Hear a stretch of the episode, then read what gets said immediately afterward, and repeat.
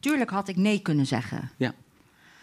Maar ja, aan de andere kant dacht ik, ja, oké, wat het is, het was me duidelijk gemaakt, het is geen wensenhuwelijk. Maar eh, wat vind je leuk, waar val je op? Ja, eh, nou, dan zeg ik twee meter groot, twee meter breed. Hè, en niet gespierd, maar een buikje. Ja, daar val ik op.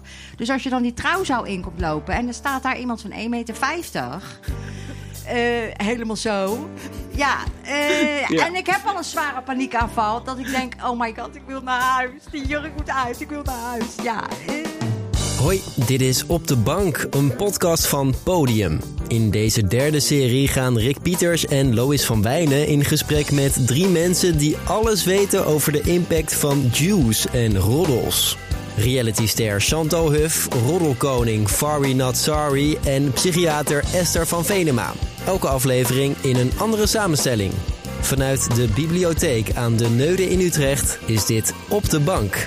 Alles voor de juice. Deze spraakmakende realityster gaf zich in 2020 hoopvol op voor Married at First Sight, maar moest haar roze brilletje al snel laten zakken. Nog voor de huwelijksceremonie brak het angstzweet haar uit en wilde ze liefst zo snel mogelijk vluchten.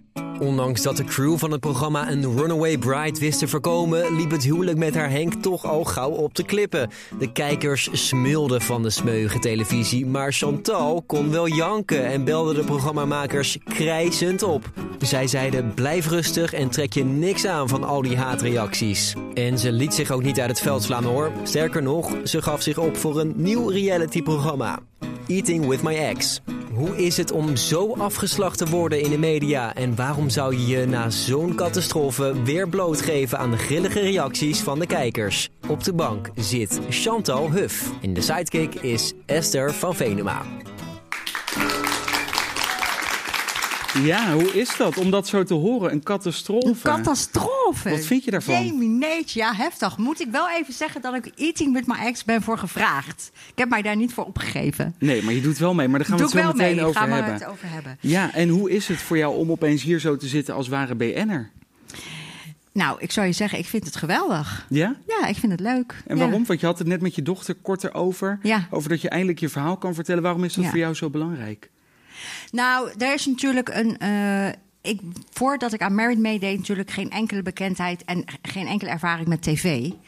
En op een gegeven moment, ja, je bent niet bij montage en niks aanwezig. Dus je ziet jezelf pas ook op tv terug. Wat het publiek ook ziet, zie ik dan ook pas. En dat ik er echt heel vaak zo met mijn mond open heb gezeten van...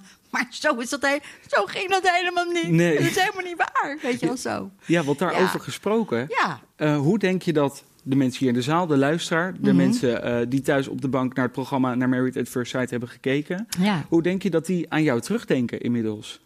Nou, als een eh, opgedroogde Barbie en een kutwijf met een eh tering karakter en ja, een gezwel en niks meer waard ben dan een nekschot. Is dit wat je te horen kreeg? Ja. Daar gaan we Ja. het zo meteen nog eh, uitgebreid over hebben. Maar allereerst, hoe denk je, hoe komt dat? Dat mensen dat, dat vinden? Komt dat door dat jij je daar niet op je gemak voelde? Komt dat door hoe er met jou is omgegaan in het programma? Waar komt dat door? Nou, het komt. eh, het is natuurlijk wa- wat ik geleerd heb nu natuurlijk en de ervaring doet, is dat ze eh, natuurlijk met zeg maar duizend uur opname kunnen maken en wat ze willen. En ik heb gezien, eh, want ik heb natuurlijk supergoed contact met alle andere deelnemers ook. Ik heb natuurlijk in mijn eigen, bij, me, bij mezelf gezien, ze zetten een verhaallijn neer. En ja, daar passen alleen maar beelden in waarin ik uitkwam of voorkwam als ja, eh, arrogant. eh, ik was het wel en ik ben de queen en ik wilde op handen gedragen worden. En Ja, dan kunnen ze moeilijk, nadat ik drie keer zo'n uitspraak heb gedaan, kunnen ze terugdraaien naar dat ik eh, ook eh, emoties heb en, en, en, en kinderen. Ik noem maar Ja. wat. Weet je? ja want Esther, jij zit eh, nu naast Chantal. We kennen jou onder andere van BN'ers in therapie, waar onder andere Patty Bart ook bij jou in therapie ging. voor heel veel kijkers ook. Ehm, jij hebt je natuurlijk ook verdiept in reality TV. Jij weet ook die verhalen. Komt dit jou bekend voor? Hoor je dit vaker, dat, dat er een soort portret van iemand wordt gemaakt? Nou ja, kijk, ik weet natuurlijk wel, uh, net als iedereen, dat het gaat om, om de impact en de kijkcijfers en de ophef. Uh, en daar, daar wordt wel heel veel voor uit de kast getrokken. Dus in die zin um, ja, word je daar natuurlijk snel slachtoffer van als je, als je pech hebt. Um, want dat geeft natuurlijk allemaal gedoetjes en dat is leuk. En dan uh, verkoop je meer en dan kijken de mensen meer. En dat is wel een heel belangrijk doel. Ja. En wat kunnen wij daaraan doen? Moeten wij harder zijn naar bijvoorbeeld een tv-zender als RTL, die dit programma maakt? Moeten wij harder zijn van, joh, wat jullie doen en zo mensen portretteren als je dan Chantal de verhaal hoort?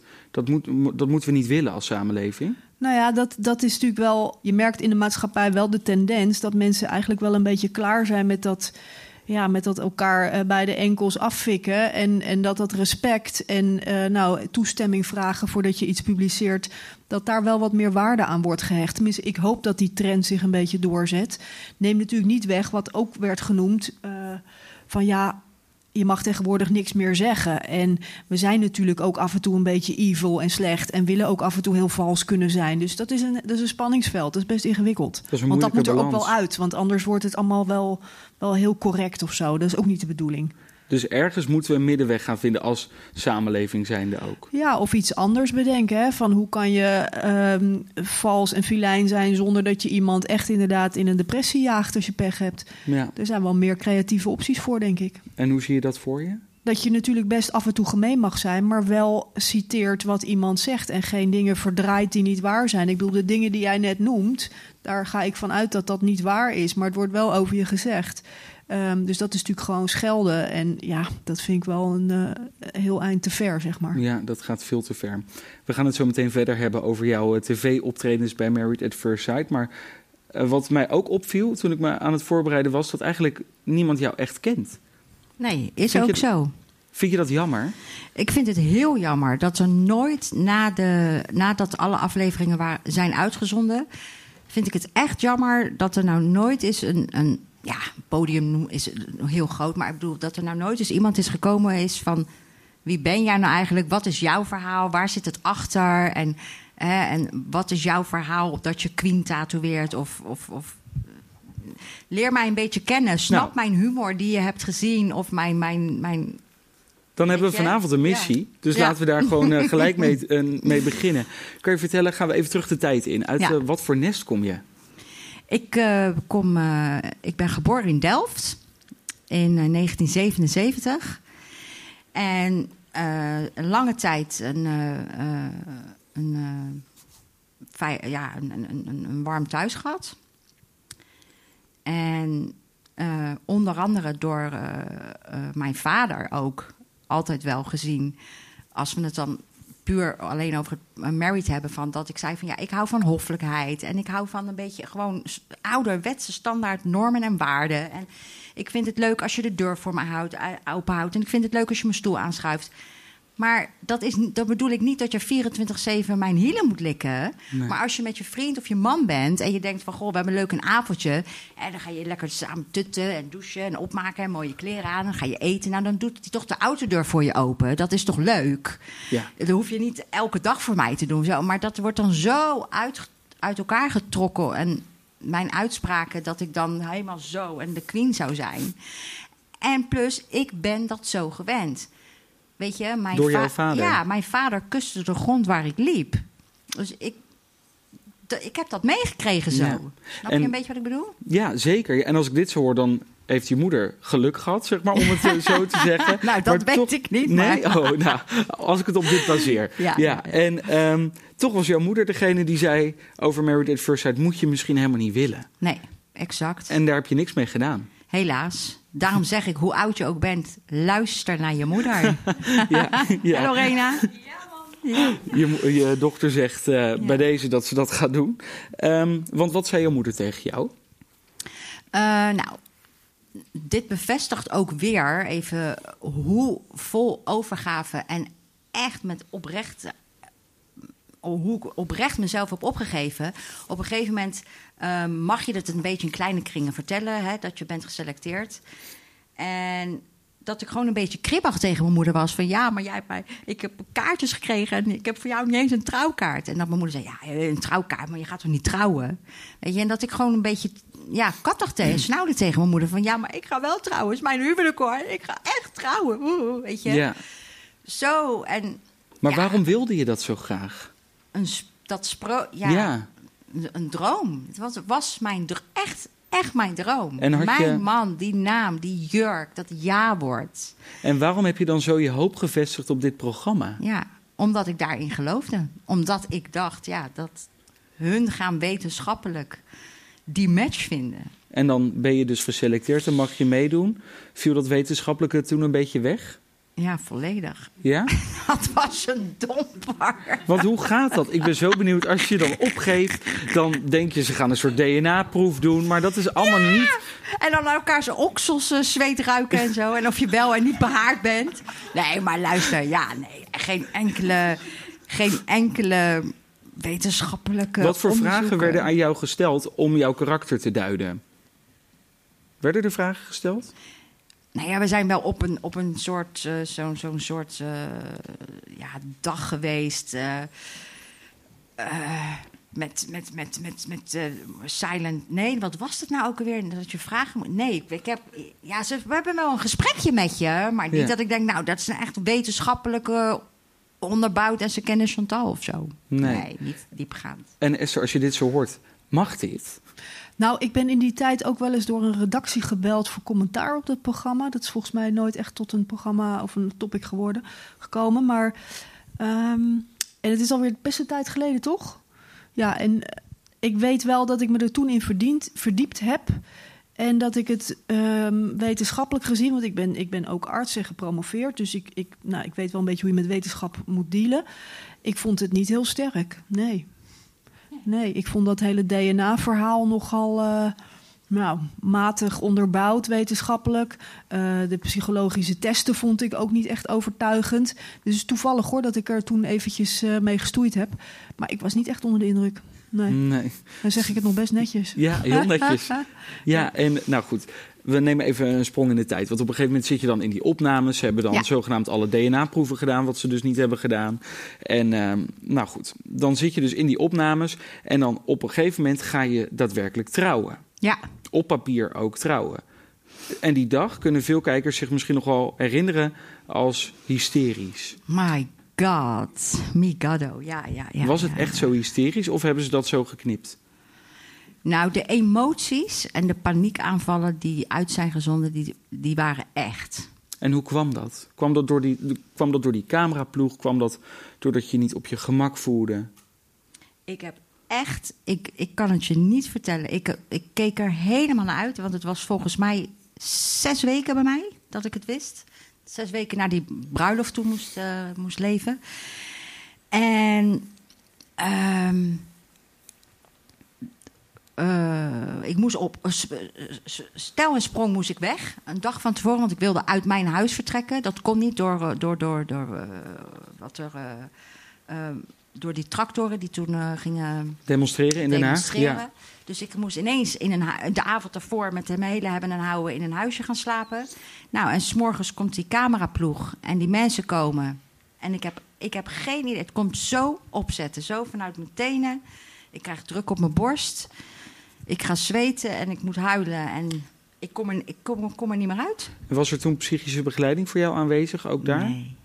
Nee. Maar dat zou toch wel moeten, lijkt me toch, Esther? Dat daar gewoon iemand bij is die iemand dan doe, eventjes doe kan maar helpen. rustig. Doe maar rustig. Nou ja, op zich bij een huwelijk Ja. hoef je geen psychische begeleiding te hebben natuurlijk. Maar Nee. Nee, maar, nee, maar, ik, nee, maar bij zo'n programma, ik bedoel, er staat wel zo'n hele cameraploeg in je huis. Het moet allemaal snel. Nou, Daar ik moet zou eerder iemand- pleiten daarvoor. Of dat het op een andere manier wordt voorbereid en aangevlogen. Want blijkbaar is er toch iets waardoor je op zo'n dag... en misschien heb je ook heel slecht geslapen die nacht...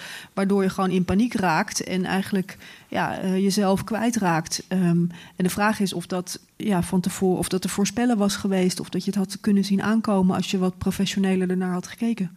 Ja. Dat weet ik niet. Nee. Ja.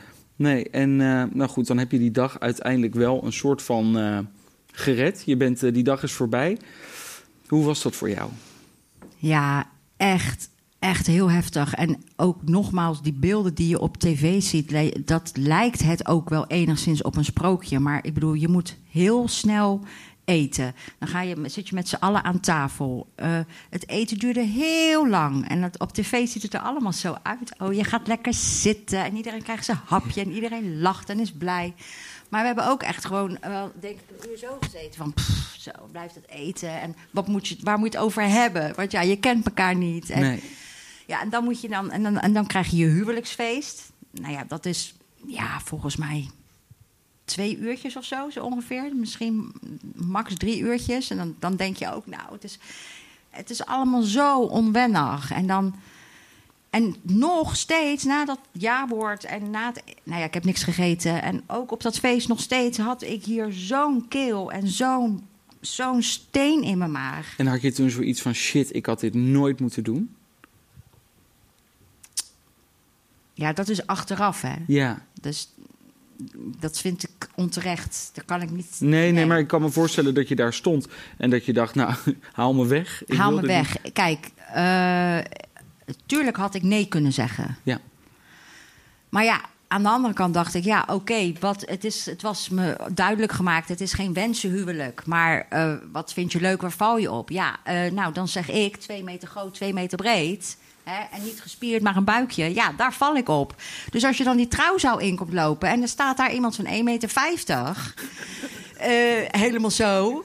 Ja, eh, Ja. en ik heb al een zware paniekaanval. Dat ik denk, oh my god, ik wil naar huis. Die jurk moet uit, ik wil naar huis. Ja, eh, gaat nooit meer goed komen. Nee, nee. Toch? Ja, tenminste.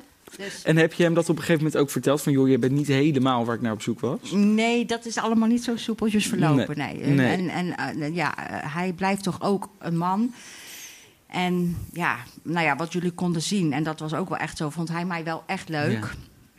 Dus ja, misschien speelde er ook wel een beetje, hè, zo plat gezegd, misschien op zijn pik getrapt of gevoel. Of dat hij het idee had dat ik het geen eerlijke kans gaf. Ja. Terwijl het voor jou gecompliceerder lag dan dat. Juist. En het was eh, drie dagen Turkije of vier dagen Turkije. En eh, nou ja, goed, na de tweede dag eh, zijn onze wegen gewoon ja, ieder zijn kant op gegaan. Ja. En wanneer had jij door van oké, dit komt ook op tv. Wil ik dit nog wel? Dat het ook nog op tv komt. Had je zo'n moment? Omdat je zo kwetsbaar was ook Ja. in beeld. Ehm, op een gegeven moment, toen eh, je krijgt dan wel per mail de uitzending te zien. Hè? Een paar dagen voordat het op tv komt, krijg je het per mail te zien. Dus dan kan je er enigszins nog een beetje... eh, Oké, dit komt op tv, dit gaat Nederland zien. En de eerste paar keer nog niet. Toen vond ik het ook allemaal nog wel... dacht ik, ja, nou, hè, mijn herinnering was leuk... En dan ben je een paar afleveringen verder. Toen dacht ik, toen heb ik wel eens gevraagd van ja, moet dit? Weet je, kan dit? Kan je dit weghalen? Of weet je, moet dit nou? En dan zeiden ze ja, maar dat is toch al gemonteerd en dat is veel te duur. En eh, ja, we kunnen waarom niet lieten ze het dan zien?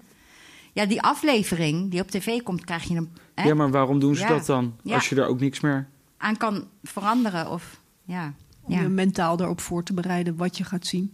Dat is volgens mij het dat. enige. Ja. Ja, en had Ja. je daar iets aan? Of was je daarna alleen maar dat je dacht, oh nee, Nee, ik heb niet meer gekeken. nee. Nee. En nou, je weet dan wel wanneer de uitzending is. Ja, Hoe merkte je dat, dat de uitzending op tv was geweest? Aan je reacties? telefoon natuurlijk. Ja, dat staat rood gloeiend. Ook wel leuke dingen of alleen maar... Nou, nou moet ik zeggen, social media over het algemeen niet, niet leuk. En face-to-face, ja, ik woon dan in Den Haag. En ja, tot op de dag van vandaag, en we zijn eh, ja, nu echt twee jaar verder... eh, heb ik twee nare eh, ontmoetingen gehad of opmerkingen gehad, eh, zo in Den Haag. En verder rest, eh, ja, wat ik zeg, li- live echt superleuk. Ja, Echt, echt heel doet leuk. dat je goed? Had je dat even nodig na al die bagger online? Ja, tuurlijk is dat leuk als mensen met jou op de foto willen. En dan zeg ik, ja, maar ik ben helemaal niemand. Ik ben gewoon Chantal, weet je wel. En dan zeggen ze, ja, nee, maar jij bent Denkie. Jij mag ik met jou op de foto? Dan denk ik, oké, ja, Ja. super. Want je noemde de na- naam net zo, hoe noemden me- mensen? Denkie. en hoe, dat had te maken met jouw wenkbrauwen. Ja, ja. En nu las ik en nu begreep ik dat, dat jij daar ook zelf onzeker over bent geworden Ja. na het uitzenden van het programma. Terwijl je dat daarvoor nooit had. Nee, ik vind, wil ik even zeggen, niet vond, maar vind het echt heel mooi. wit blond haar en zwarte wenkbrauwen. Misschien ook wel iets, hè, zoals Fargi zegt. Ik ben, voor de, ik ben voor de tv gezet door mijn ouders. Misschien, hè, ik ben opgegroeid met Madonna. En eh, misschien zi- zit dat nog wel ver weg ergens. Maar ik vind het echt mooi. Wit haar, Ja. zwarte wenkbrauw. Nou wordt dat op tv natuurlijk, wist ik ook niet, totdat ik mezelf zag. En de hele, al die meningen hoorde dat dat op tv nog heftiger was. Ligt ook nog aan een filter die ze er wel of niet overheen doen. En maar ja, als jij natuurlijk elke dag honderden berichten krijgt, duizenden berichten krijgt van ja, je echt lelijk, je bent lelijk en je wenkbrauwen en het zijn tekens van een eh, van gymschoenen en het ziet er niet uit en het lijken wel twee stift tekens van... van gymschoenenmerk, weet je zo, eh, Oh, Nike ja. zo. En ehm, nou, het is echt niet grappig of zo. maar Nee. dan Ja, het is dan- gewoon, je moet je bijna lachen, omdat je denkt... hoe verzinnen mensen dit om dit over iemand te zeggen? Ja, maar als je, daar, als je dat duizenden keren per dag eh, krijgt... Ja, ik ben daar dus gevoelig voor. En ik ben dus... Ja, ze zijn dus niet meer pikzwart en mijn haar is niet meer wit. En het, het komt echt ook... Dat speelt echt mee. doet dat Ja. je pijn? Dat je dus hebt aangepast? Ja, want dat wil ik helemaal niet. Want dat ik, ik ben... Ik, ik vind, vind het mooi. En pas had ik het er nog met mijn vriendin over, ook met Esther. Zeg ik, Es, waarom heb jij dat dan nooit gezegd? Niet ja, je maar- Esther hier naast je voor de luisteraars. Oh, nee. Ik wil het er heel graag over hebben Ja, hoor. ik ook. maar een andere Esther. Ehm, en dan zei ik, maar Es, maar waarom heb jij dan nooit, nooit wat gezegd met dat witte haar en, en die zwarte wenkbrauwen? En dan zei ze, ja, maar Sjan, jij vindt het toch mooi? Dat is toch het allerbelangrijkste. En ja, dan ben ik uitgepraat. Ja. Doet dat je nog wat? Ja. Dus Ja. ooit ga je wel weer terug, misschien ook wel nou, weer, of niet? dat, eh, dat, dat wil ik nou ook weer niet zeggen. Maar Zou je het willen, terug willen? Naar... nou, je krijgt natuurlijk heel vaak elke dag herinneringen terug op je social media. En dan denk ik, pot voor drie Doris, ja. Ik vind het nog steeds echt leuk, dat witte haar en dan die bob en dan... Ik hoop dat je ooit weer goed genoeg voelt dat je het gewoon Ja. weer doet. Want Ja, het, uiteindelijk is het het allerbelangrijkste dat je het zelf mooi vindt natuurlijk. ja, En ehm, nou goed, word je door zo'n programma ook een beetje begeleid in die reacties achteraf? Want zij weten natuurlijk ook, wij maken een bepaald typetje van iemand. Ja. Ehm, leuk, ze moet een keertje huilen, je moet ze nog een keertje huilen, plakken we aan elkaar vast. En je hebt een leuk tv-programma. Mhm. Maar is er dan ook nog iemand die daarna eventjes bij je langskomt om te vragen: hey, gaat het wel met je? Nou, in, de, in het begin heb ik echt wel eh, heel, heel erg overstuur en heel hysterisch opgebeld. Van ja, weet je, van wat gebeurt er allemaal? En ik ga kapot en ik kan niet meer naar buiten en ik, ik wil mijn bed niet meer uit. En het, van tevoren hebben ze alleen gezegd eh, dat je beter je social media uit kan schakelen zodra je op tv bent. Weet je, want ja, maar echt niet zo diepgaand en echt niet zo heftig op je. Nou, ik wil niet zeggen op je ingepraat, maar je, het was voor mij echt niet zo duidelijk dat dit kon gebeuren. Of het nou positief of negatief is. Dat ze, hebben ze dat echt niet zo benadrukt. En daarna was er dus ook niemand. Ja, goed, ja, je kan een gesprek voeren met een van die mensen die aan het programma meedoen. Maar ja, dat komt ook niet echt tot stand. En dan, ja, weet je, dan kan je nog wel een keer bellen van eh, dit en dat. En dan zeggen ze ook wel, ja, Sjan, weet je wel, gaat het? Maar niet, ik kreeg niet zoveel aandacht en reactie als tijdens de opnames. En ik Chant werd genoemd. En Nee. Die vriendschap is daarna ook gelijk voorbij. ja, En eh, als ik dit dan zo hoor, dan snap ik niet helemaal, als ik eerlijk ben, Ja, dat je weer meedoet met iets. ja. Waarom? Nou, eh, Discovery benaderde mij of ik mee wilde doen. En toen was eigenlijk Henk nog helemaal niet eh, te Want sprake. leg eerst even kort uit in, Ja. eh, in een zinnetje, welk programma is dit? Waar gaat dit over? Discovery Plus heeft een programma gemaakt. En dat heet Eating with My Ex. En dan ga je eten met je ex. En dan kan je dingen bespreken die je graag nog zou willen bespreken of zou willen uitspreken. En heel Nederland zit opnieuw voor de buis om mee Ja. te gluren. Nou Ja. ja. dat valt wel mee, want het is natuurlijk Ja, een betaalde. eh, dus het is wel echt wel minder dan, denk ik, dan een eh, RTL. En dan word je benaderd en dan geven hun eh, mij het gevoel en het idee dat ik eindelijk dat die kans en die mogelijkheid krijg om normaal met Henk een gesprek te voeren. En ehm, ja, toen stond ik daar heel erg voor open. Toen hun dan ook benaderde, of uh, vertelde van, nou ja, goed, weet je, zou je dat met Henk willen? Ik zeg, nou ja, uh, ja ik wel. Wilde Jullie hadden ik, nog wat te bespreken. Ja, wilde ik al tijdens Married. Hè, dat Carlo zei van, wil je, wil je nog wat, zou je nog met hem willen afspreken? Ja, graag. Nou ja, hij wilde dat niet. En nu dan wel. En dan, ja, uiteindelijk heeft dat ook helemaal niks uitgebracht hoor. Daar is ook echt niks uitgekomen. En ja, ook helemaal niet niks uitgepraat of dingen. Maar dat had ik wel gehoopt. Ja. ja en, dan, doe ik mee. En toen dacht ik bij mezelf, ja, weet je, ik, ik ga hier aan meedoen. Uh, om te laten zien dat wij ook gewoon twee mensen zijn en die iets te vertellen hebben. En wat, wat meer is dan die beelden van, van Married. Eigenlijk zodat mensen, wat je aan het begin ook zei, dat mensen je echt leren kennen. Ja, nou, dat is helaas niet gelukt, maar... Nee, hopelijk vanavond wel. ja. Tot slot, um, ga je ooit nog eens met iets meedoen? Of is het even klaar? Dat weet ik niet. Dat zien we dan wel weer. Ja. Heel erg bedankt dat je er was. Graag gedaan, dankjewel. Dat was hem alweer, de tweede aflevering van de serie over Jews en roddels. Op de Bank is een productie van Podium, het cultureel studentenplatform van Hogeschool Utrecht. Wil jij Op de Bank of een ander programma van Podium live meemaken? Kijk dan op podium.hu.nl/slash agenda of volg Podium op Insta. Podium.hu. De gasten in deze aflevering waren Chantal Huff en Esther van Vedema. De presentatie deed Rick Pieters. De podcastproductie en voice-overs door mij, Steve Bouwman. De programmaproductie door Josien Oudemans. En de partner van deze podcast is Bibliotheek Utrecht. Dankjewel voor het luisteren en tot de volgende!